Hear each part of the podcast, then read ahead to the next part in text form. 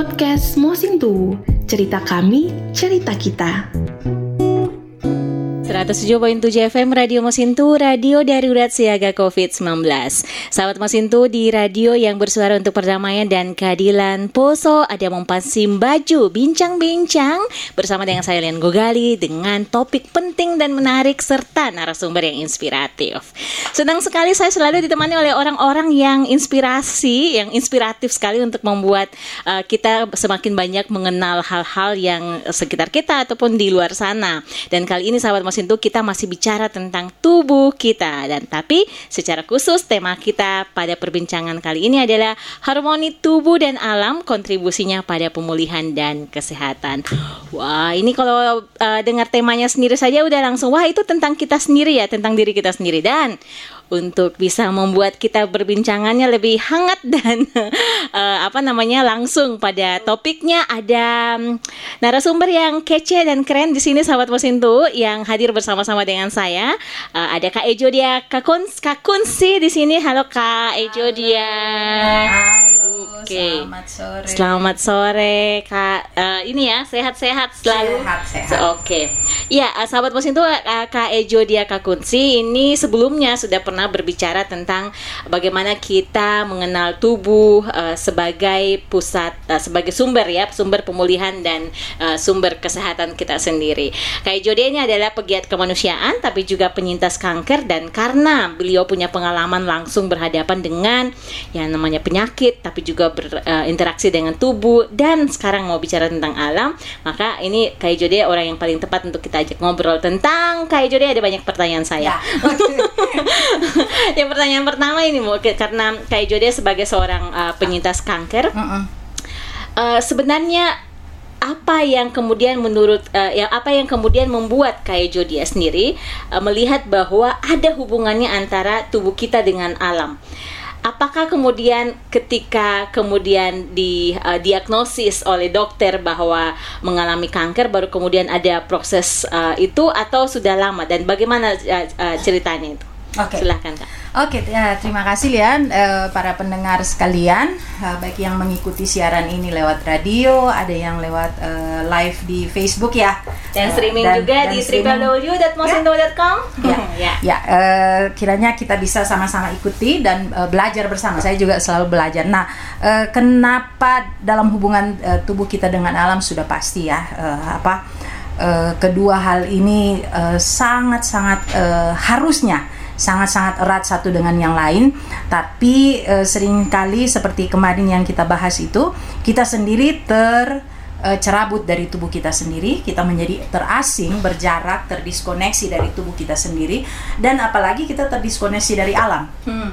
Nah, bagi masyarakat misalnya di di perkotaan ya, eh, apa segala sesuatu yang berhubungan dengan alam itu harus dicari. Kalau saya yang hidup di Jakarta harus dicari ke puncak, eh, ke Jawa Barat, ke Bogor, Dan eh, untuk mencarinya baru mengeluarkan. banyak sekali biaya. Menghasilkan polusi juga. menghasilkan polusi dan perjalanan panjang kemacetan menuju puncak itu khususnya tiap akhir minggu.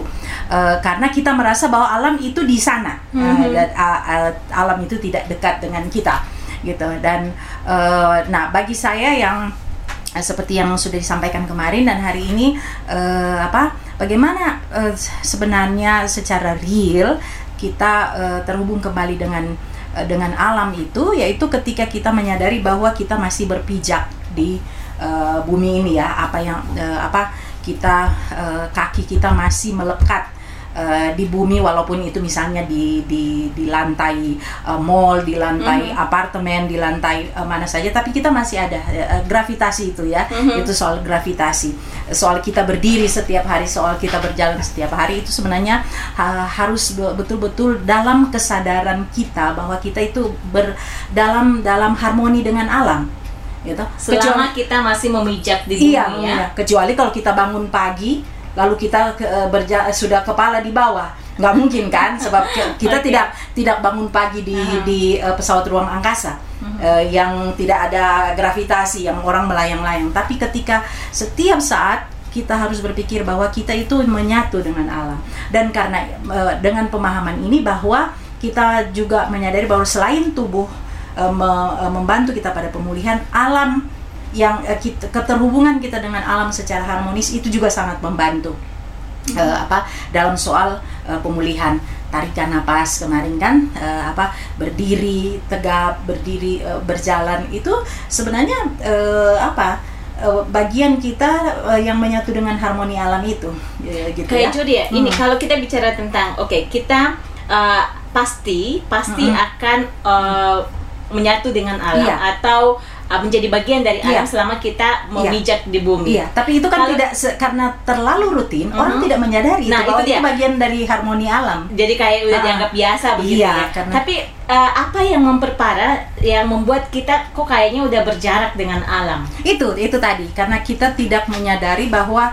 ini loh eh, tidak me- menyadari artinya juga tidak mensyukuri bahwa saya bisa eh, bangun dan berdiri dan berjalan dan bernapas itu ya. Nah, tapi eh, ketika kita eh, mengalami suatu eh, kondisi eh, tertentu seperti eh, kemarin ya ketika berita misalnya didiagnosa eh, eh, kanker misalnya itu dengan mudahnya kita ter apa tercabik pikiran kita terlepas kita mulai eh, harus berusaha mencari eh, apa eh, di mana-mana seolah-olah kita harus mencari jawaban atas segala sesuatu. Padahal dengan dengan eh, berdiam dan eh, tenang dan menyadari oke saya masih bisa berdiri saya masih bisa duduk diagnosa itu datang lalu kita serap perlahan-lahan dan itu yang membuat eh, apa eh, apa eh, salah satu perwujudan kita eh, sedang apa ya eh, berusaha juga. Sebenarnya kita sedang berusaha deal juga ya. Eh, berusaha deal apa ya bahasa kita? Eh, tawar menawar tawar dengan ya. dengan kondisi yang ada. Tapi dalam keadaan tenang. Se- kalau dalam kondisi eh, kita panik nah itu kita seolah apa ya chaos. Kan ada is- istilahnya chaos eh, kacau. Eh, apa eh, apa dalam istilah ini kosmik di sekeliling kita Hmm. bumi atau apa di di sekeliling kita apa tung eh, seolah-olah tunggang apa ter- Tunggang langgang, ter- ter- terbalik, ya terbalik terputar, ya, tergini iya ya. seperti itu Hmm. nah itu itu memperparah Tapi Jody ya, selain kalau kalau misalnya eh, yang membuat kita, jadi tadi yang saya tangkap dari kayak Jody Hmm. adalah yang membuat kita berjarak dengan alam itu adalah ketidaksadaran kita ya. Iya, Tapi satu. apakah ada sebuah sistem juga yang atau eh, hal lain di luar diri kita sendiri yang membuat kita semakin berjarak dengan dengan alam? Ya banyak. Eh, itu tadi itu yang seperti kemarin yang kita bahas. Hal-hal yang eh, seharusnya kita bisa temukan di alam. Contoh ya, kalau kita bicara alam selalu kita akan terhubung dengan pohon, eh, tanaman dan sebagainya. Nah, eh, sesuatu yang sebenarnya bisa kita petik dengan tangan sudah dalam bentuk botol di depan kita sudah dalam bentuk entah terutama botol plastik ya yang paling sering sudah sudah tersaji dalam bentuk kemasan jadi itu juga salah satu eh, Produk tepatnya ya, produk Daya? yang membuat kita eh, tidak lagi menyentuh alam itu secara eh, langsung karena itu eh, apa eh, ada banyak sebenarnya anjuran bagi masyarakat eh, apa yang hidup di kota-kota di mana eh, semakin hari semakin menyempit eh, apa eh, lahan itu untuk bertanam itu eh, ada yang sekarang eh, hidroponik dan sebagainya. Tapi bagi masyarakat kita di sini misalnya di, Di pesisir Tentena, di Poso, di ya. pesisir di tepi danau danau Poso ini begitu luasnya sebenarnya eh, apa eh, apa begitu dekat sebenarnya kita dengan alam.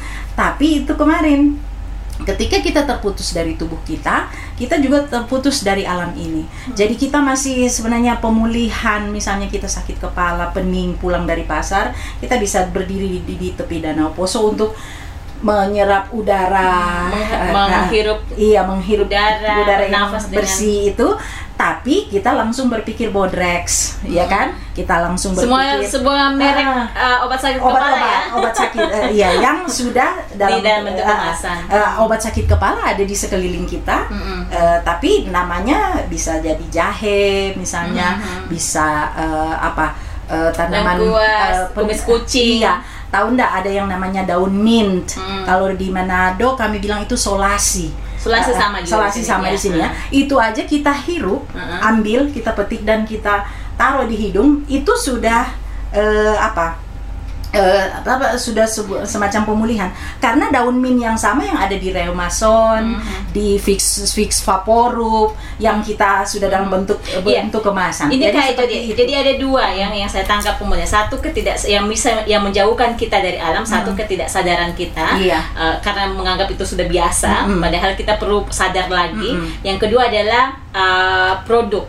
Tapi bicara tentang produk ini kak, sistem berpikir seperti apa sebenarnya yang sedang tumbuh di masyarakat kita sekarang, termasuk nih sekarang di masyarakat pedesaan yang kemudian membuat mereka yang kaya dengan alam jadi eh, apa bawang merah bawang putih ada semua kumis kucing ada semua kemangi ada semua di sekitar di halaman. Tapi kemudian membi- berpikir bahwa itu bukan bagian dari Hmm. eh, ini tubuh kita. Apa itu sebenarnya yang eh, terjadi? Apa eh, pola pikir instan Hmm. cara berpikir instan Hmm. jadi segala sesuatu ha- eh, apa tersaji di depan sudah jadi jadi saya saya baru cerita ke teman-teman yang lagi tadi yang lagi eh, apa milih-milih bibit tanaman Iya.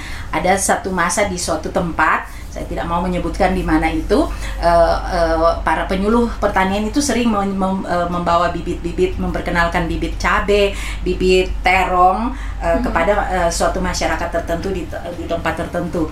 Nah mereka kemudian be- ada yang bertanya begini, bapak kenapa sih selalu yang dibawa adalah bibit cabe, bibit eh, eh, terong, kenapa tidak bawa bibit eh, eh, mie instan? Hmm. mereka mereka pikir di, Ah. di satu desa itu mereka pikir bahwa mie itu tumbuh juga Tumbuh. sama dengan Oh. padahal dan dan waktu Oke. itu tahun berapa itu waktu mie instan mulai kan enak dan Ah. apalagi ma- eh, eh, MSG atau monosodium glutamat Ah. atau yang kita sering bilang vetsin itu Ah. kuat sekali di situ Iya. dan vetsin ini aditif Hmm. dia dia sat eh, apa ya aditif itu eh, bikin kita ketagihan Mhm. dan dia melekat di otak Mhm. apa dan itu membuat orang merasa oh enak sekali itu dan jadi dia pikir juga itu bertumbuh Ah, seperti ditanam tanaman-tanaman gitu ya. lain. Nah, lalu orang mulai berpikir instan. Jadi salah satu contoh juga adalah kita ini punya ladang eh, punya eh, Lahan. halaman luas sebenarnya. Eh, kalau saya orang Manado pemakan cabai, pemakan cabai luar biasa. Tapi ada juga orang yang sebenarnya di halamannya itu bisa ditanami cabai tapi dia beli Eh, cabai botol sambal sambal, sambal botol. cabe Ah, ya. Jadi dan dan proses itu apalagi sudah sama-sama dengan plastik kemasannya Iya. itu sudah meracuni sebenarnya tubuh Hmm. kita apalagi dikonsumsi terus-menerus. Nah, itu. Hmm. Jadi sistem eh, yang diperkenalkan kepada kita sistem instan itu membuat segala sesuatu oh harus cepat, harus segera dikonsumsi. Tidak ada lagi gerak tubuh. Kan gerak tubuh memetik yang sema- semakin eh, kemarin kita sudah sempat eh, singgung memetik eh, daun em, apa menanam dan sebagainya itu adalah gerak-gerak eh, apa gerak-gerak eh, meditatif setiap hari yang menghasilkan buah Hmm. ya kan dan itu sebenarnya yang dibutuhkan pada dia sangat eh, apa eh, bermanfaat bagi pemulihan. Eh, tak, bukan bukan hanya pemulihan kanker eh, tapi pemulihan misalnya kita sedang eh, masalah keluarga eh, atau kita sendiri sedang merasa tidak enak badan dengan kita bertanam kita menggali kita cabut tanaman rumput-rumput yang ada di sekitar tanaman utama itu itu sudah tindakan menyatu kembali kembali ke alam dan sebuah Sebelum ke situ kayak. Judi, Hmm. sebelum ke soal Hmm. bagaimana alam itu bisa membuat Hmm. bag- eh, dengan tubuh kita bisa menjadi bagian dari proses pemulihan dan kesehatan. Apa dampaknya sih sebenarnya yang bisa dirinci begitu? Apa dampaknya ketika kita itu semakin jauh berjarak dengan alam, semakin menggunakan produk-produk eh, itu eh, produk-produk yang Ya. tadi disebutkan instan dan sebagainya buat tubuh kita sendiri dan bagi eh, Ya. banyak orang. It, eh, pen- eh, apa dampaknya adalah pada kesehatan Hmm. sudah pasti dan dan kesehatan bukan hanya kesehatan fisik Ah, tapi kes- kesehatan mental juga Ah. Bisa Eh, jelaskan kesehatan eh, fisik? eh, kesehatan fisik bisa itu ya yang kemarin seperti kanker Hmm. apa eh, kelelahan eh, eh, kelelahan itu biarpun misalnya kita sudah tidur justru pada saat bangun pagi orang merasa "Loh, kok masih capek? gitu kan. Lalu eh, migrain sakit kepala Sakit sebelah ma- macam-macam termasuk eh, rema rematik dan Rematik. seterusnya. Nah, juga eh, apa ya depresi yang menekan menekan eh, pikiran kita, tubuh yang tidak tidak nyaman membuat kita bertanya-tanya kenapa, lalu eh, apa segala macam hal yang berkecamuk yang masuk dalam pikiran kita, kita tidak mampu lagi dengan jernih eh, memfilter itu, akhirnya eh, apa? Kita depresi, terganggu uh, mental kita. Dan juga ada uh, seperti tadi ya uh, ada uh, uh, toksin atau racun-racun yang menekan sehingga kepala kita uh, apa? Seperti ya migrain Mhm. kepala uh, sakit kepala kepala sebelah dan uh, sebagainya. Itu itu salah satu bentuk di mana kita setiap hari terpapar uh, nah, kayak jadi ini menarik kalau kita terpapar. Jadi mungkin bisa diberikan salah satu contoh. Karena ini kan kita mem- meng- sudah menjadi konsumsi yang biasa gitu ya makanan instan sekarang ya. Namanya sambal botol eh, apa namanya kemasan. apa tuh kalau misalnya kita masak terus kita taruh saya udah lupa namanya. Apa? Iya benar. pokoknya penyedap rasa. Penyedap rasa. Ah, dengan segala macam mereknya. Dengan segala macam. Eh, itu kan udah udah biasa. Bagaimana sebenarnya dia proses meracuni tubuh itu Iya. sebenarnya? Ah, Karena eh, apa namanya? Karena orang kan merasa enak gitu ya, enak, ya, enak sih enak gitu. Ah. Tapi bagaimana prosesnya? jadi sebenarnya dia bukan penyedap ya dia penguat Hmm, rasa penguat rasa. Iya, jadi jadi itu itu itu juga yang eh, Keliru nih berarti, banyak sekali. Iya, dia nih. mem- membuat strong. Jadi begini, orang sering kali eh, saya perhatikan eh, orang tidak mau lagi terlalu banyak membuang tenaga untuk memasak potong-potong banyak bumbu-bumbu, mengiris-ngiris. Jadi ya. eh, tanaman-tanaman kita kan macam-macam yang tadi Dikau sudah eh, sebutkan tadi jahe, Jahe. bawang putih, bawang merah, eh, serai, daun bawang dan sebagainya. Nah kadang orang hanya dua dua bumbu itu aja cukup lalu dia taruh penguat rasa, ya kan? Ya, karena supaya karena yang dicari adalah enaknya. Dia pikir itu enak, tapi Hmm. kita selalu berpikir enak. Tapi kita tidak pernah berpikir apakah enak itu eh, bisa memberi eh, apa eh, membantu pada kesehatan. Hmm. Tidak, kita hanya mencari enaknya. Dan kalau MSG eh, apa ya eh, monosodium glu- glutamat atau yang yang ada di kita semua pen- penyedap rasa Eh, eh, rasa ya sama itu sih? dia dia dia tinggal di otak Oh. gitu dia di otak jadi itu yang di- kita bilang adiktif dia Hmm. dia bikin kita ketagihan coba bayangkan contoh misalnya saya tahun berapa ya eh, masih jauh lebih muda dari sekarang kan kita senang ya dengan mie instan gitu ya. Lalu kita ada di negeri saya ditugaskan di negeri di mana mie instan bukan makanan utama. Eh, itu rindunya aduh rindunya. Itu kan coba lihat di iklan-iklan. Oh Iya. oh lagi di di Ah, negeri iya. yang jauh lalu disajikan uh, mie instan yang begini la- lalu langsung rasa surga begitu ya langsung Iya, kayak- nah orang orang selalu berpikir Hmm. itu berpikir sehat. Tapi dia dia apa eh, apa dia eh, tinggal di dalam memori kita Mhm. dia tinggal di tubuh kita dia tinggal di otak kita Mhm. dan akan membuat kita selalu eh, craving apa ya eh, merasa mengidam kelaparan. ngidam Ngidam, ngidam ya. eh, rasa itu kalau saya eh, ada sa- apa, yang selalu dominan pada saya adalah rasa ikan woku saya sudah bilang kemarin itu ketika ada di negeri yang jauh yang tidak Iya, ada iya, iya. serai dan segala macam itu saya rindunya makan ikan woku karena ada daun kunyitnya, ada daun Hmm, jeruknya dan jeruk. sebagainya. Sementara di Semua negeri itu tidak ada. itu ada, Hmm, iya. Jadi itu da- jadi eh, apa? Tapi itu semua eh, ada di alam itu. Jadi itu contoh. Tapi ada obatnya. Nanti sebentar saya. Tapi obatnya dari ya, alam sebelum juga. obatnya ini karena ini menarik sekali.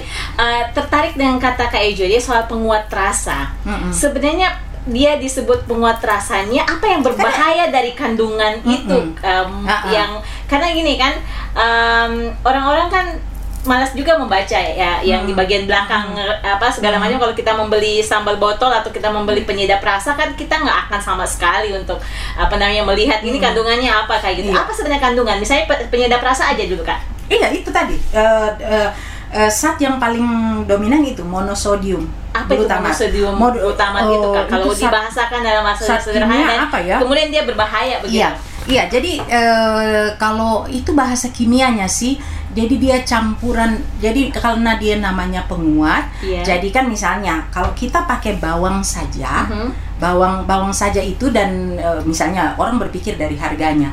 Eh, Hmm. dan dari kerjanya nggak mau banyak-banyak gitu kan. Jadi eh, apa bawang putih bawang merah gitu kan. Hmm. di dicampur. Dan orang cuma oh taruh sedikit. Tapi kalau sebenarnya kalau kita mau masak kita butuh banyak sekali itu. Mhm. rempahnya Nah, banyak sementara uh, uh, apa zat kimia yang sudah jadi diolah ini biar cuma sejumput kecil begini saja dia sudah jadi kuat tapi itu yang powerful ya rasanya yang dibikin powerful tapi hmm. sudah lewat proses kimia yang cukup panjang dan berulang-ulang dan, dan berulang-ulang. Ya? Nah dibandingkan dengan yang dari alam hmm. itu dibutuhkan misalnya uh, apa satu kilo misalnya, yeah. ya nggak mungkin kan kita makan satu kilo yeah. Ya. uh, untuk untuk uh, apa uh, uh, satu kali makan -hmm. gitu. Jadi -hmm. itu orang secara instan ah, ini aja lebih okay. cepat yeah. ada uh, apa. Da, tapi itu tadi yang saya bilang proses kimiawi pabrikan yang diulang-ulang-ulang-ulang kan dia sudah melewati berbagai proses.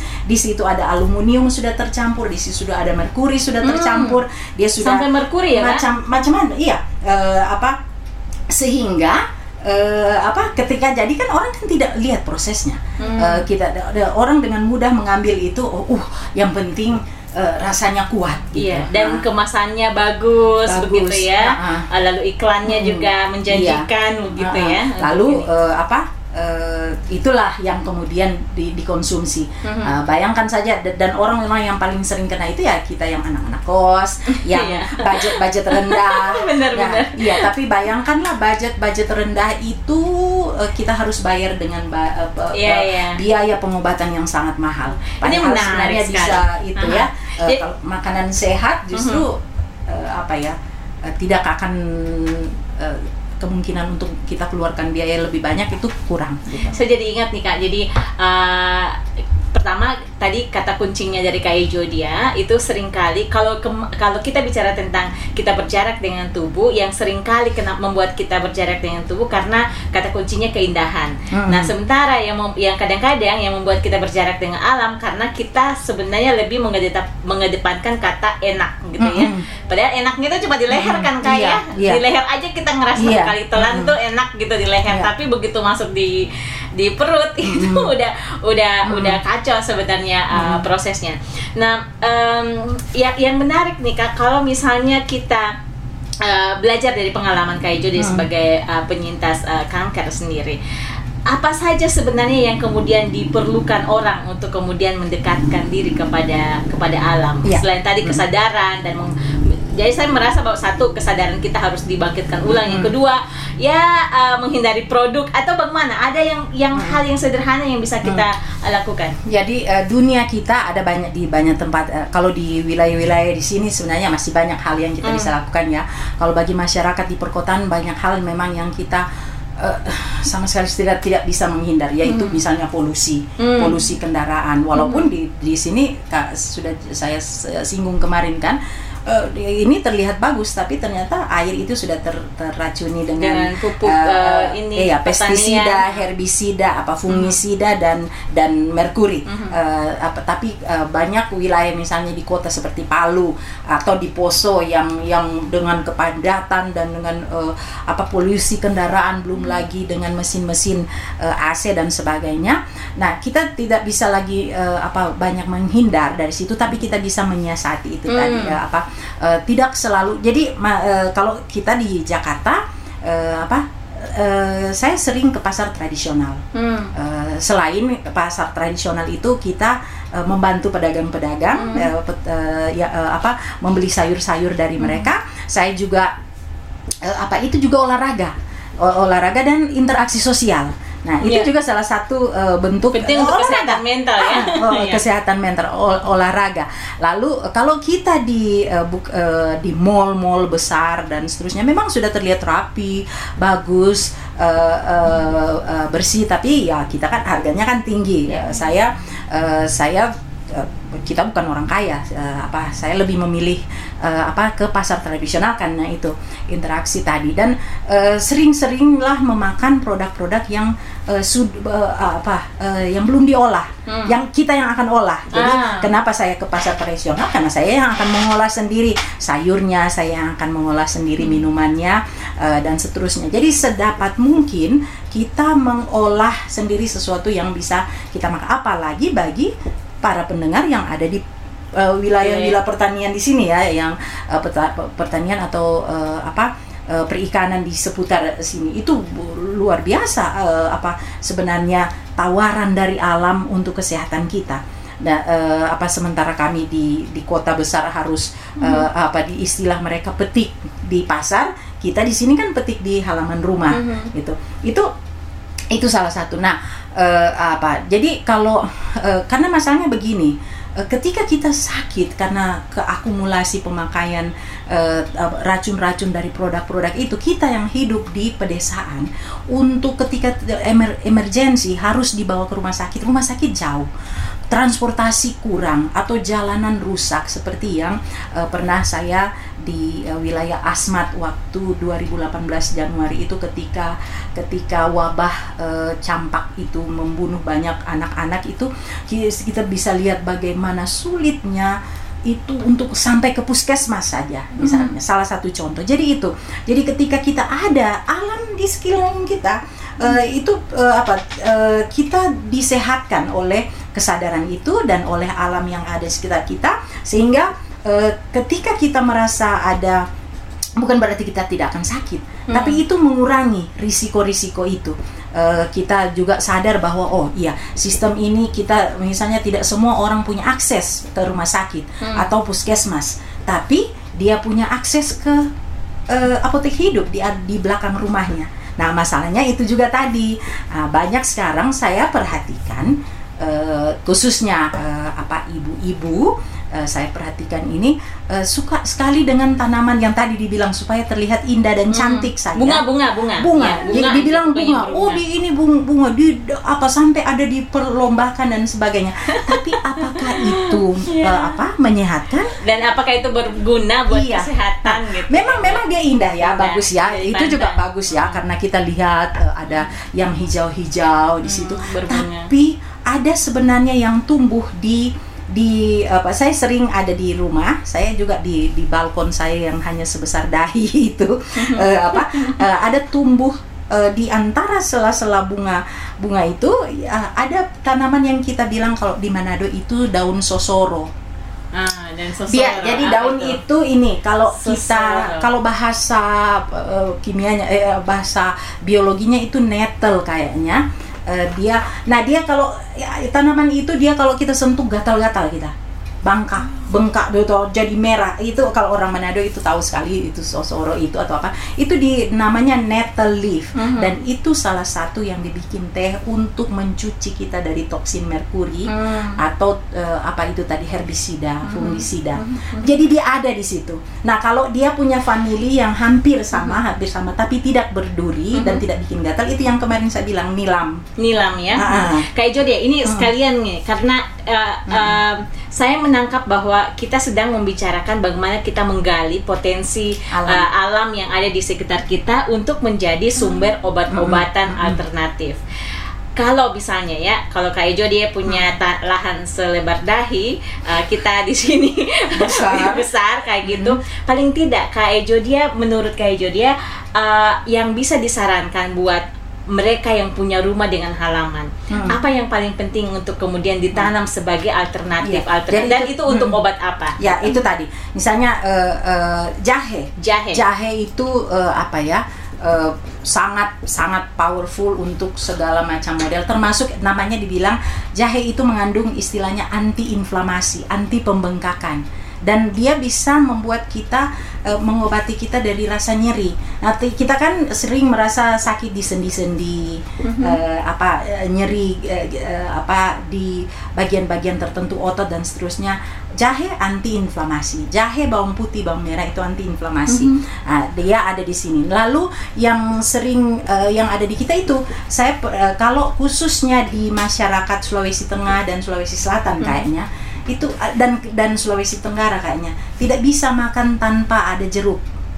Ya, Ah, ya, lemon- lemon ya, lemon, lemon ya. lemon nipis kan. Nah, Iya. eh, apa lemon nipis itu tanam di rumah kita Hmm. Eh, karena apa Eh, setiap hari eh, apa eh, air kita bisa saja sudah terkontaminasi. Hmm. tapi campur dengan jeruk. Jeruk nipis. Ah, Ja- ja- ja- jeruk itu akan membuat itu air itu istilahnya air itu hidup kembali. Hmm. dan itu kan ada di sekeliling kita. Kalau di Manado banyak lemon cuy apa, Lemon cuy namanya lemon cuy. dicampur Ah, ah. dengan dui. Ha. Ah, ah, lalu eh, untuk ikan Ah, dan benar, tapi ikan. itu itu eh, taruh itu sebagai Hmm.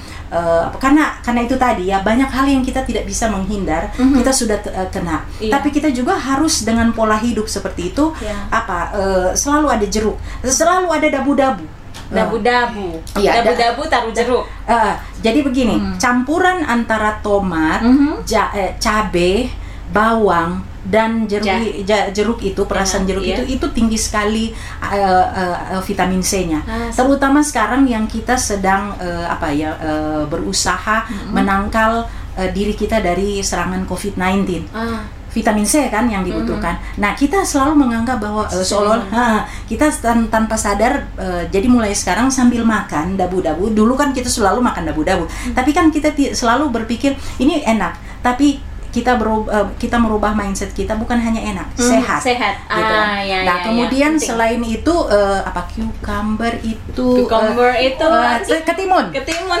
ya, Ya, ketimun. Ke- Ketimun kan bisa eh, mudah kan tumbuh Iya, di iya, wilayah-wilayah Ah. eh, eh, pegunungan yang Itu juga sehat ya, itu, Kak ya? itu Bagaimana itu pencuci. Jadi jadi Oh. misalnya begini, eh, saya eh, lihat juga waktu saya hari Minggu menu, eh, ke Morowali, Mm-mm. banyak di rumah-rumah penduduk itu ada eh, seldre. Eh, seledri, Seledri, seledri. Mhm. Orang Manado bilang soldre, eh, se- eh, seledri itu. Tapi sayang sekali, ya, saya lihat beberapa, aduh seledri itu seolah-olah eh, menjadi apa ya termarginalkan Oh. dibandingkan dengan tanaman hias yang lagi tren itu sekarang. Oh, iya. Padahal justru itu yang bisa membantu pada eh, orang dengan diabetes. Ah, Jadi- bagaimana tepatnya menggunakannya itu? ya, jadi eh, eh, seldre itu, sel- Seledri. seledri itu, kalau bapak ibu tema- eh, pendengar punya blender, Mhm. silakan blender sebelum eh, pada saat bangun pagi, sebelum minum apa pun, sebelum ada isi perut itu minum jus itu. Hmm. Atau ya pada masyarakat kan belum ada itu,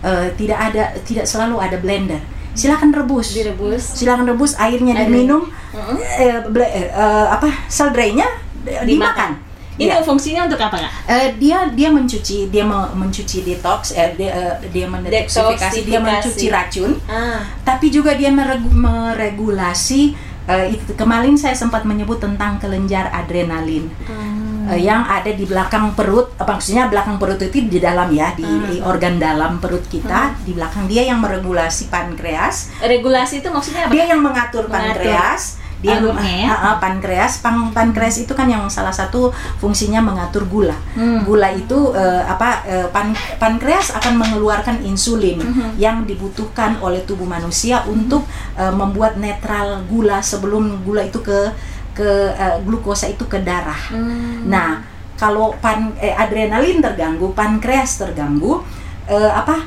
Akhirnya insulin itu tidak mau keluar. Nah, akhirnya gula itu ke darah lalu naik dia Hmm. eh, apa? Itu yang menyebabkan orang mendapat eh, diabetes. Ada diabetes tipe 2, ada diabetes tipe 1. Nah, ini baik diabetes apa pun itu dia eh, terbantu oleh setiap hari. Yang penting itu disiplin. Pa- Disiplin minum eh, s- eh, Seldre. Mhm. Seldre. Nah, kalau eh, ada ada ada eh, ketimun di rumah Mhm. eh, siang hari, Mhm. eh, misalnya sore atau eh, apa eh, sesudah makan siang gitu, eh, blender juga eh, apa eh, ketimun itu dengan eh, seledri itu. Nah, Kalau cuma eh, kan Makan. makan, juga bisa iya. ya. Nah, ya, saya eh, jadi eh, para pendengar sekalian, saya tidak berbicara eh, apa eh, berdasarkan sesuatu yang tidak tidak, Tidak jelas dilakukan. ya Eh, dan tidak jelas. Eh, dia bilang, oh dia kan bukan dokter, dia bukan ahli gizi, tapi bapak ibu eh, kita bisa membaca. Nah, saya eh, itu yang saya bilang kemarin setelah sebelum eh, apa ketika mulai berobat saya selalu membaca begitu banyak referensi.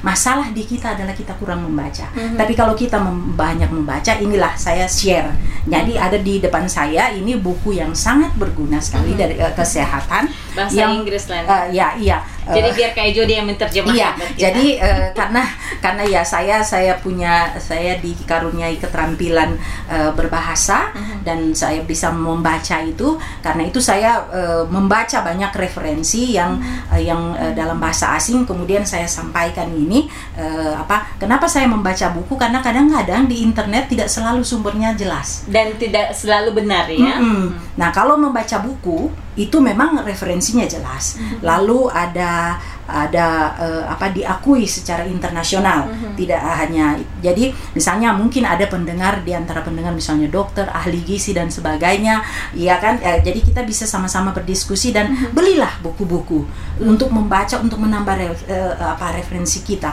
Jadi kita tidak perlu menjadi seorang ahli misalnya ahli bedah untuk mengetahui tubuh saya sendiri. Saya ingin mengetahui tubuh saya sendiri ya saya belajar dari dari cara ini. Jadi itu tadi tadi kan eh, apa? Jadi mudah sekali sebenarnya kan ada di alam. Ini menarik ini kak. Mm-mm. Jadi saya mau ulang nih. Eh, kalau kan kita tadi sedang mendiskusikan apa aja sih sebenarnya yang paling tidak bisa memulihkan kita, mencegah bahkan ya sebelum terjadi penyakit yang bisa Mm. kita tanam ya di Mm-mm. eh, halaman rumah jahe, bawang merah, bawang putih, Kunyit, kun- cabe. kunyit, eh, cabe, dabu-dabu, ketimun, seledri. Nah menarik bagi saya seledri ini karena biasanya seledri, terus kemangi dan jahe itu dia hanya dilekatkan di makanan sebagai penyedap pertama membuat itu harum gitu harumnya kan beda gitu kalau taruh seledri tapi tidak dilihat tapi sebagai kan obat manfaat kesehatannya ternyata Ah, tinggi iya, ya. Jadi iya. itu eh, Benar. apa jadi set- apa pun yang datang pada kita dalam bentuk yang masih asli seperti itu Dari pasti alam. ada ada manfaat yang sangat luar biasa karena kan eh, apa eh, dia bukan proses Mhm. makanan yang sudah diproses. Nah, saya juga mau eh, singgung tadi saya menyebutkan tentang cabai dan kunyit. Nah. Kunyit. eh, apa eh, pemirsa sekalian, eh, apa pendengar sekalian, jika eh, apa eh, Bapak Ibu, mungkin saya selalu mengulang-ulang misalnya ikan woku atau Mhm. kari. Kenapa demikian? Karena di ada dua unsur ini dalam ikan woku atau kari, Hmm. cabai Dengan dan kunyit. Nah, kunyit kur, eh, yang yang dikandung eh, zat yang penting dari dari kunyit dan temulawak adalah kurkuma. Nah, kurkuma itu tidak dengan mudah diserap oleh tubuh tanpa peperin. Peperin itu ada dalam cabai atau lada. ah oke. Jadi kalau saya Hmm. kalau minum eh, ada istilahnya kalau bahasa asing itu chai atau minuman campuran itu saya selalu campur dengan lada hitam atau lada putih atau cabai eh, apa itu kunyit supaya dengan begitu tubuh menyerap itu eh, Hmm. dia punya khasiat dan, tidak dan cukup saya kalau makan cabai aja tidak cukup Eh, tidak cukup hanya kurkumin aja, tidak Ah. cukup hanya kunyit saja. Hmm? Dia harus ada teman itu, Oh. eh, lada hitam atau lada putih atau cabai. Nah, Dicatat artinya ya, Kak. Jadi, dan, ah. Eh, cabai lada lada putih lada hitam. lada hitam Salah satu dari mereka itu padukan Ah, dengan dengan eh, kunyit. Nah, itu salah itu kan di di apa? bisa, Kak, boleh. ikan ikan woku kan? Ikan woku Dia punya harus- unsur itu. Eh, ini menarik Dua-dua ini. kenapa harus sama-sama? Itu karena supaya eh, ke- khasiat kurmu- kurkumin kan itu tinggi sekali antioksidannya. Ah, ah. Dia membantu juga pada eh, penyakit liver. Oke Eh, dapat. Tapi kalau dia tidak bisa diserap tubuh, dia hanya sam- eh, dia hanya kita makan, tapi dia tidak diserap oleh tubuh. Ah, Nah, oke j- eh, eh, eh, cabe dan atau lada, cabe atau lada tidak boleh tidak usah tiga-tiga itu sama-sama. Enggak, eh, salah satu. Ah. Itu pasti akan membantu. Zat Ah.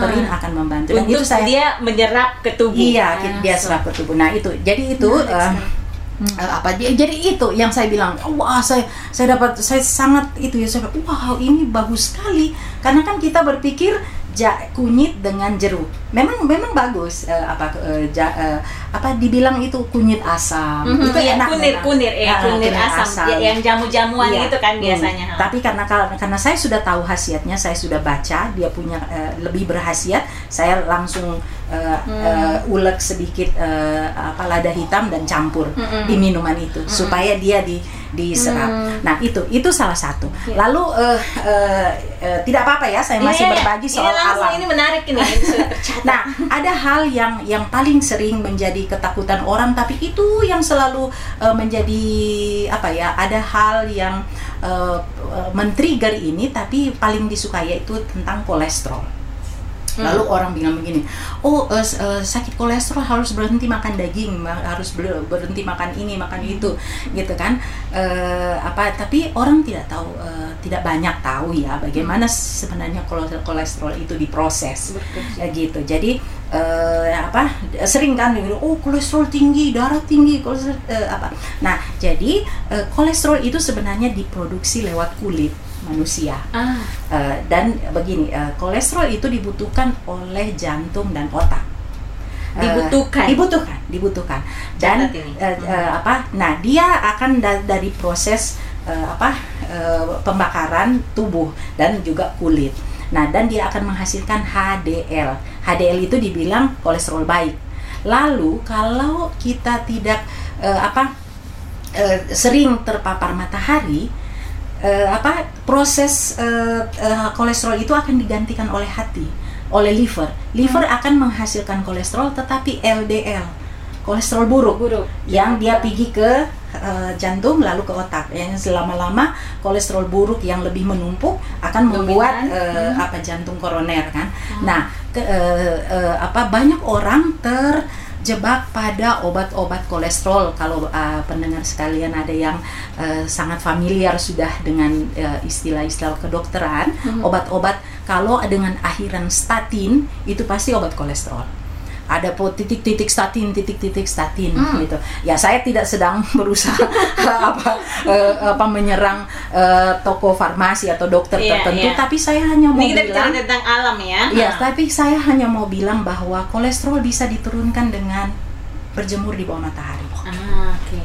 Supaya Wah, ini kita kaya uh, dengan matahari nih di sini iya, ya. Itulah, makanya itu kan iya, kita iya, iya. punya matahari, kita punya pemulih yang sangat luar biasa di alam, tapi kita tidak di, di kita tidak sadar. Nah, jadi ketika eh, teman-teman uh, jalan pagi atau petik hmm. daun singkong, uh, tanam sesuatu, lalu uh, tubuh kita terpapar matahari, matahari, kita sedang kena, sedang menerima vitamin D, kita sedang kulit kita sedang memproduksi kolesterol baik menuju menuju jantung, jantung. dan otak ah. gitu. Jadi kalau mau menurunkan uh, uh, kolesterol orang bilang minum ini, minum itu, minum ini yang sudah diproses mm -hmm. uh, obat-obat oh, itu iya, tadi. Iya. Tapi sebenarnya kita bisa lakukan itu dengan di bawah matahari. Mm -hmm. uh, artinya rajinlah kita punya kekayaan yang luar biasa.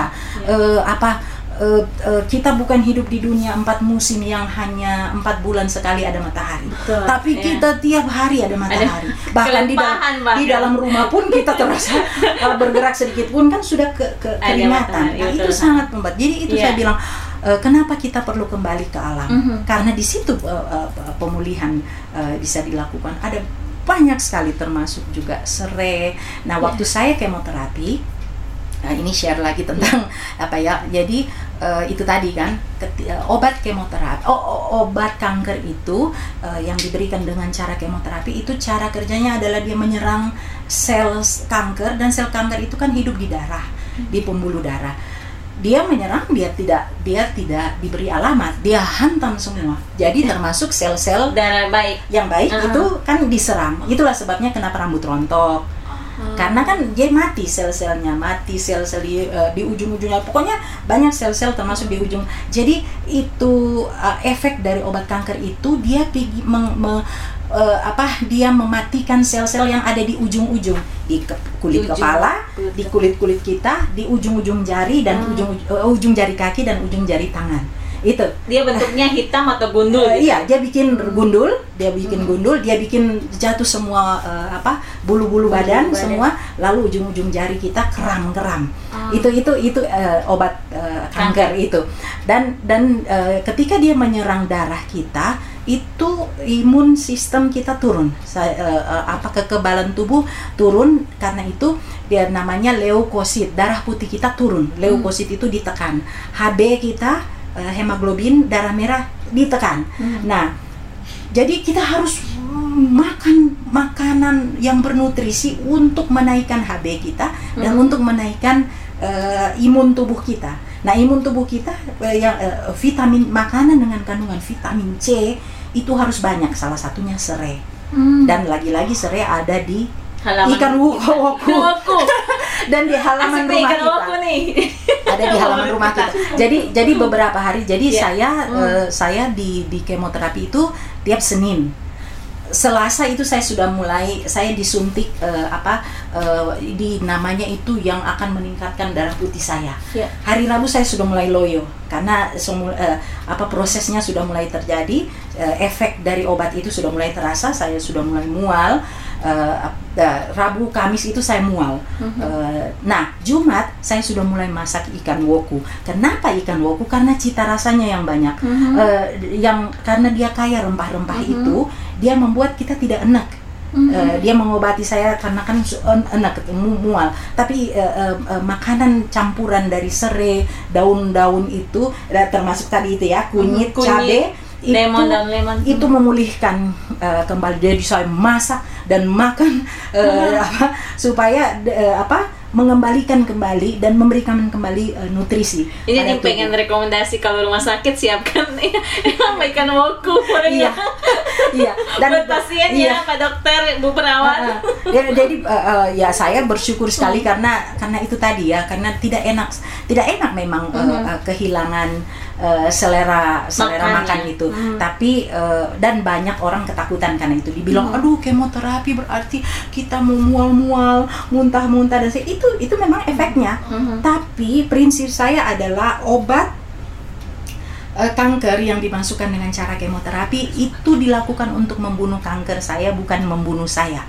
Nah, itu cara berpikir Jadi, yang harus ditanamkan iya, pertama-tama iya. gitu. ya. Jadi, Apa pun obat yang iya. masuk dalam rangka Iya. untuk mengobati yang Iya, sakit itu. iya. Tapi ya itu tadi Iya. ya alam jadi itu. eh, jadi saya gini eh, waktu kita mengalami kanker atau sakit apa pun eh, jadi eh, apa saya harus mempersiapkan tubuh saya tubuh saya adalah medan pertempuran antara kanker dan obat kanker Hmm. jadi dia dia dia serang kan obat kanker itu menyerang tubuh saya a- apa menyerang kanker saya tapi kan ada di tubuh saya pekerjaan saya pemilik tubuh ini adalah memberi nutrisi pada tubuh Ah. saya minum sebanyak banyaknya saya makan semua yang eh, termasuk eh, kiwi tidak selalu kan di sini buah Iya, kiwi itu buah banget. kiwi itu eh, eh, apa memang ininya. mahal eh, eh, apa tidak selalu ada tapi pasti ada eh, eh, apa kalau di di pedesaan itu eh, da- eh, sirsak makanlah sirsak, iya pengganti kiwi. iya iya Asik nah ki- kenapa kiwi karena kiwi yang yang kalau bapak ibu eh, pendengar bisa dapat kiwi kiwi itu selain mengandung vitamin C yang sangat tinggi dia mengandung melatonin dan serotonin ini dua Melatonin dan serotonin. Iya, it- serotonin. Serotonin. Nah, itu dua hormon dibilang hormon bahagia. Oh. Itu eh, yang membuat tubuh Asik. kita lebih rileks, kita akan merasa ngantuk termasuk pisang. Oke. Pisang itu mengandung melatonin yang bikin kita tubuh kita sebenarnya rileks. Jadi kalau mau makan pisang makan di malam hari. Oh, sahabat Mosinto, semua ada di sekitar kita. Pisang, sirsak, apalagi yang mau dicari, semua ada. Iya, harusnya kita Dan- sehat ya. Iya, jadi saya pelajari itu semua, nih. obat-obat itu semua dan zat-zat yang dikandungnya karena itu eh, untuk menunjang tubuh saya yang sedang, Sedang- berhadapan dengan obat. Obat ya, obat itu. kanker. Karena itu tadi dia memang dia mem- membuat mati. Ya, saya tidak bisa menghindar rambut rontok ya, Hmm. biarin aja nanti dia akan bertumbuh. Kita tidak bisa bilang eh, mis- misalnya orang datang ini bagus supaya tumbuh eh Rambut. supaya tu- tumbuh rambutnya tidak bisa. Oh, iya. Eh, rambut tidak akan bertumbuh kalau eh, sampai semua proses eh, kemoterapi selesai. Mhm. Tapi eh, tidak semua obat kemoterapi membuat rontok rambut. Mhm. Jadi ada obat kemoterapi misalnya untuk kanker kandungan tidak membuat untuk kanker kulit tidak membuat. Jadi ada obat tertentu.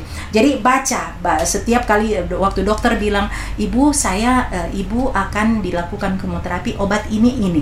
Namanya ACT. Lalu saya baca, eh, oh katanya eh, rumit. Adriamycin, siklopopamin, eh, taksol Oke.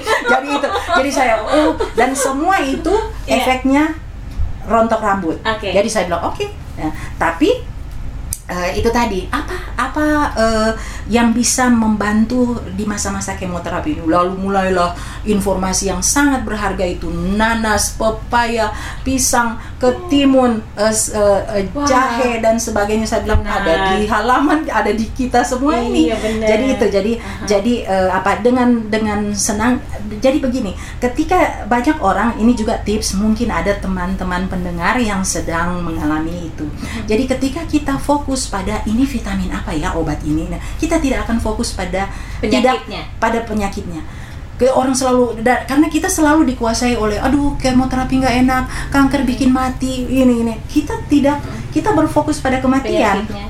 tapi itu yang saya bilang eh, kemarin saya tidak fokus pada kematian Mhm. saya fokus pada pemulihan pada kehidupan jadi dengan membaca oh ini mengandungkan eh, kandungan apa Mhm. eh, apa eh, eh, alpukat alpukat nah dan dan eh, ini eh, eh, bagi kita yang di posisi pos, poso dan sebagainya ini ini berita gembira jadi eh, itu eh, apa orang Manado bilang suntung cumi Cumi-cumi. cumi Suntung. punya Suntung di sini juga suntung. Ha. punya punya tinta Iya. itu sangat bagus untuk Jangan pemulihan di berarti jangan, Jangan di dibuang. anu jangan dicuci. Eh, iya, eh, jadi jadi saya DP ini hitam. itulah eh, aduh di Jakarta susahnya. Saya bilang aduh kalau di Manado itu eh, apa kan? Eh, jadi eh, sesudah kemoterapi itu saya pasti pesan eh, lagi-lagi cumi woku dan pakai tinta woku, sahabat Mas Indra. Pak- eh, tintanya, tintanya pen- penting karena tintanya mengandung polisakarida. Polisakarida itu akan Hmm. eh, pemulih eh, sel-sel yang rusak. Hmm. Nah, di itu jadi saya baca lagi apa kalau saya makan makan cumi apa ini. Oke, jadi eh, karena saya senang masak jadi itu saya langsung eh, hari setelah hilang mualnya itu yang saya masak kasih banyak makan itu Eh, supaya dia mengganti sel yang rusak at- eh, akibat eh, obat-obat eh, berat yang saya eh, konsumsi itu itu itu salah satu. Jadi sebenarnya ada di itu itu yang saya bilang Menarik fokus sekali. pada pemulihan Ya, gitu. dan alam di sekitar kita Alam ya. sebelah. Da- ta- eh, saya mau bilang bahwa eh, sayang sekali eh, kita harus menghindari eh, apa udang tambak. Udang tambak. Eh, apa karena di Indonesia saya kira eh, tapi ada juga mungkin eh, eh, untuk budidaya udang itu orang eh, udang itu mudah sakit. Hmm. Jadi karena itu petani eh, petambak-petambak memberi antibiotik pada Ah. udang dan itu tidak bagus. Jangan-jangan ikan-ikan kesehatan. juga ya? Iya. Nah, Ah, jadi oke. kalau kita memang mahal, jadi le- ya lebih baik kalau bisa tidak bisa tidak usah udang ya nggak usah, tapi udang laut, udang yang didapat di laut, Di laut. Itu itu tidak ada antibiotiknya. Ah, Atau cari cumi-cumi. Iya, jadi Amerika itu dan Eropa menolak udang tambak, Tambak. Indonesia Mhm. karena mengandung antibiotik. Ah. Nah, Nah, iya. bicara tentang antibiotik ini Kak Ejo dia karena ini eh, apa namanya pertanyaan terakhir berkaitan dengan banyak sekali saran terkait dengan itu udah jahe, bawang putih dan segala macam. Tapi kan pasti ini ya kayak pasti bukan sembarangan tanaman jahe itu Eh, karena sekarang juga orang menanam tapi menggunakan pupuk kan Kak. Itu. Ah, iya. Nah, itu bagaimana sarannya Kak Ejo dia untuk mereka yang eh, sedang mau mendengar eh, ketika mendengar ini lalu kemudian mau menanam dan kemudian mau merawatnya dengan lebih sehat gitu Iya. supaya malah tidak balik lagi ke tubuh kita. Eh, pupuk oh, penting, tapi pupuk alam. Ya, eh, apa? Tapi pupuk yang sudah diproduksi memakai bahan-bahan kimia itu justru lebih banyak eh, ya tidak baiknya ya. Seperti tadi itu yang saya bilang herbisida, fungisida, eh, insektisida dan segala macam itu itu sudah sudah banyak sekali yang apa ya eh, apa mempengaruhi eh, cara berpikir petani-petani kita. Ta- Iya. dan Karena kami produksi massal kan iya ya. produksi massal nah eh, apa? Nah bagi kami di kota-kota itu orang eh, kita memilih misalnya eh, tanaman organik. Tapi kan mahal sekali jadinya itu. Nah kalau bapak ibu pendengar ada di wilayah-wilayah pedesaan tanamlah gitu. Organik itu tanaman organik atau tidak ada pupuk yang tidak ada pupuk itu eh, wujudnya tidak terla, eh, eh, apa tidak semulus-mulus buah tomat misalnya Iya, yang iya. pakai itu. Iya, tapi iya. justru Aha, dia sehat. itu tadi oh jangan lihat bentuknya yang indah dan Iya. bagus Li- atau daunnya yang kadang-kadang kan dia sobek-sobek karena Iya. banyak ulatnya Iya. itu justru lebih sehat Ju- ya justru ya? itu sehat Oke. kan itu. Nah dan dan eh, kita diberikan kemampuan berpikir. Ada banyak eh, justru orang petani juga eh, yang kemudian dia meng- me- mengkreasi sendiri, misalnya eh, insektisida atau pestisida eh, apa eh, pembunuh hama tapi yang organik. Misalnya campuran cabai dan apa. Saya pernah baca di Mhm. Kompas itu campuran cabai yang bisa membunuh hama Mhm, mhm. dan sama sekali tidak ada unsur kimianya. Kimianya. Nah, itu jadi ada, jadi kita harus semakin kreatif kreativitas yang selalu di, dilatih itu juga adalah salah satu bentuk eh, apa itu olahraga olahraga mental Mhm. eh, eh, tubuh kita nah jadi eh, tapi kalaupun kita seperti tadi ya tidak bisa menghindar semua itu cucilah berulang-ulang. Mhm. Cuci tomat, cuci jeruk itu yang kita tidak tahu dari mana kita beli di pasar, Iya, betul. tapi uh, uh, cuci berulang-ulang cuci cuci. Saya saya kad- saya malah uh, sering kali itu uh, apa tuh spons atau apa kain yang biasa pakai untuk cuci piring kan Mhm. ada kain itu itu saya malah uh, uh, Pakai pakai untuk untuk cuci cuci buah. buah, uh, Ya, uh, ya. Bapak. Uh, karena ya itu tadi saya bilang saya tidak tidak bisa menghindar dan dan yang uh, tips yang saya berikan tadi selalu minum jeruk air jeruk. Taruhlah jeruk itu campur Hmm. Diminum seledri. Ketimun. Uh, iya. Uh, Udah hafal ket- nih. ketimun ketimun dan seledri uh, uh, atau pepaya dan seledri pepaya pepaya sangat bagus sekali sangat powerful dia punya Mhm. dan kita ada di sekeliling Nah, dan uh, jangan uh, orang uh, revolusi buah-buah asing Hmm, yang iya, diim- betul. diimpor itu apel itu jadi kesannya Iya. lebih kesannya Iya. lebih uh, apa namanya lebih dicari orang oh. padahal pisang lebih Iya, padahal, ya, padahal ada di sekeliling kita maksudnya. Iya, jadi eh, kita jadi tanaman-tanaman lokal akhirnya seolah-olah Hmm. termarginalkan, terpinggirkan karena oh eh, ini eh, apel bergengsi. Iya kan? Eh, Biasanya gitu iya, orang-orang. Apel perlu. Karena dari Apel- kota. Iya, apel kita butuh kita. Tapi Bu, jadi saya makan apel bukan karena untuk gengsi, tapi untuk kesehatan. Da- iya. Dan kalau Bapak Ibu di di di wilayah-wilayah pedesaan tidak ada apel, tidak akan mati. Tapi Bapak Ibu punya sirsa. Kita punya Hmm. pisang kelapa paling banyak kita punya kelapa. Air Kelapa. kelapa, itu paling bersisa dunia. Ah. Eh, seluruh iya, Iya, paling iya. steril, paling. Bener ya? Ah. Aha. Iya, minum air kelapa. Min- Iya. Minum air. Nah, eh, ada yang sekali eh, ini ini tips yang eh, saya baca mengenai diabetes ya di buku Ya. ini. Orang banyak sekali eh, kesalahan. Orang bilang, "Oh, kalau diabetes berhenti makan buah-buah, hanya bisa buah tertentu karena eh, manis." Ini, nah. Hanya gula yang dihasilkan oleh buah yang aman untuk diabetes. Ah, Tapi oke. kalau gula dalam bentuk gula meja gula me- apa di, gula Ini- yang ditabur di Iya, ya, sudah diproduk itu, ya sudah di- diproses produk. itu itu tidak bag, tidak baik la- lagi. Lalu dibilang segala bentuk karbohidrat ha- harus eh, tidak boleh. Buah-buah mengandung banyak karbohidrat. Mhm. Dan nah kalau kita sudah pada orang diabetes lalu dia sudah sudah berpantang semua itu pasti akan ada di saat tertentu dia drop sekali gulanya dan itu tidak baik. Jadi gula dari 200 sekian tiba-tiba dia drop ke 70 itu Iya. tidak bagus. Karena apa? Karena disuruh berhenti makan semua buah. Sementara buah eh, gula, Gula pada dari buah, buah.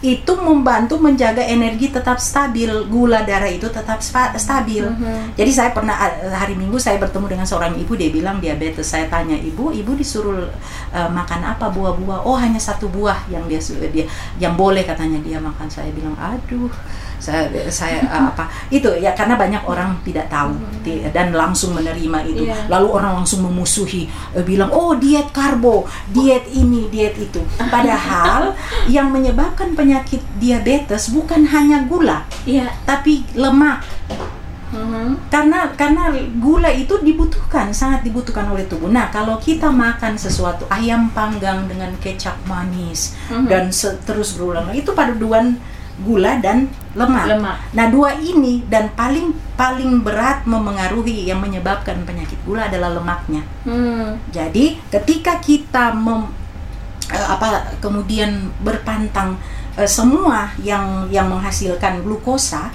eh, apa kita Gula. drop Mhm. kita, kita bisa drop. Tapi yang paling penting fatnya dikurangi, lemaknya dikurangi, gula itu harus tetap ada tapi dari buah-buah. dari buah-buahan Hmm, sehingga dari buah-buahan. uh, dia alami sekali Iya. lagi dia proses pemulihan itu justru buah terjadi dari ya. eh gula rasa manis dari jeruk. Mhm. Nah, saya saya orang yang gula darah rendah. Saya cuma 70. Eh, salah satu obat ketika saya sudah mulai gemetaran karena gula darah itu jeruk manis itu. Itu. Itu, itu, itu saya kunyah untuk Mhm. untuk mengembalikan eh, apa eh, eh, energi karena energi yang dihasilkannya itu. Itu. Jadi tidak semua sama sekali buah dan sayur tidak tidak eh, membunuh kita kecuali tidak tidak kita- memusuhi kita dan Ah. tidak membunuh kita kecuali kalau kita Kalau- tidak cuci dengan atau bersih. kalau dia Mhm. adalah dari uh, pupuk kimia gitu ya. Jadi uh, sahabat Mosinto ini menarik sekali. Ini ada banyak sekali inspirasi yang kita bisa dapatkan dan itu kita bisa ciptakan sendiri sekali Iya. lagi ya. Jadi ada bisa kita tanam sendiri. Uh, sekarang yang kata kunci yang menarik tadi itu adalah bahwa ini bukan hanya untuk dalam rangka enak tapi juga yang paling penting adalah sehat dan bahwa yang membuat kita sehat itu ada di sekitar kita yang penting diproses dan ditanam dengan cara yang sehat juga Iya. gitu Iya. Kak Jody ini percakapan yang menarik satu jam uh, bersama-sama dengan Kak Jody ya dengan inspirasi yang menarik dan saya yakin semua akan bisa kita lakukan dalam kehidupan kita sehari-hari. Iya. Oke, Kak Ejo dia uh, closing statementnya untuk ajakan buat pendengar sahabat Radio Mosintu untuk kemudian bisa harmoni antara tubuh dengan alam supaya bisa memulihkan dan menjadi uh, lebih sehat. Silakan Kak. Jadi sebelum terlambat, eh, apa se- eh, artinya sebelum terlambat dalam arti begini, eh, kita lebih harus pada eh, posisi selalu tindakan pencegahan daripada pengobatan. Saya kema tahun lalu itu pengo- pengobatan itu tidak murah, pengobat dan pengobatan kanker tidak pernah murah, selalu mahal, selalu mahal dan eh, butuh waktu, butuh kesabaran, butuh mental yang kuat. Nah, kalau kita eh, apa eh, bukan karena saya katakan bukan karena eh, eh, apa saya menganggap bahwa orang tidak ada uang tidak akan sembuh. Orang tidak tidak eh, apa eh, tidak punya eh, jaminan finansial yang cukup bisa bisa sembuh. Tapi kalau kita sudah terpapar sakit itu biasanya jalannya panjang dan banyak orang yang akhirnya berhenti pasrah. Ah biar aja deh, saya tidak punya uang, saya tidak punya ini, tidak punya itu. itu. Jadi ja- agar jangan sampai kita berpikir seperti itu, cegah aja dari awal. Cegah aja dari awal dengan ya bukalah pintu-pintu jendela, pintu-pintu rumah kita dan lihat di luar, oh ada ada pisang, ada sirsak, ada apa lagi yang sering kita temui, ada pepaya atau ada eh, apa ruang eh, yang hanya di mana hanya tumbuh rumput-rumput. Di situ bisa kita tanam sesuatu. Jadi dengan begitu kita sedang eh, apa melakukan tindakan pencegahan supaya kita tidak harus selalu mengobati, tapi kita ada di fase ini terus. Kita selalu selama hidup kita ada eh, dalam fase mencegah mencegah. Eh, tapi kalaupun kita misalnya sakit karena kondisi tertentu, alam menyediakan alam menyediakan seperti tadi kan alam ada selalu itu eh, apa untuk kita eh, rebus untuk kita kunyah Eh, kalau kita hidup di alam yang bersih eh, saya ambil aja eh, sambil lewat di belakang rumah saya petik eh, daun jeruk saya kunyah itu sudah sebuah eh, apa ya eh, tindakan kita akrab dengan alam dan perlahan-lahan kita mengobati eh, kegelisahan mengobati sakit kepala dan seterusnya. Jadi semua ada di alam. Tepuk tangan. Yay!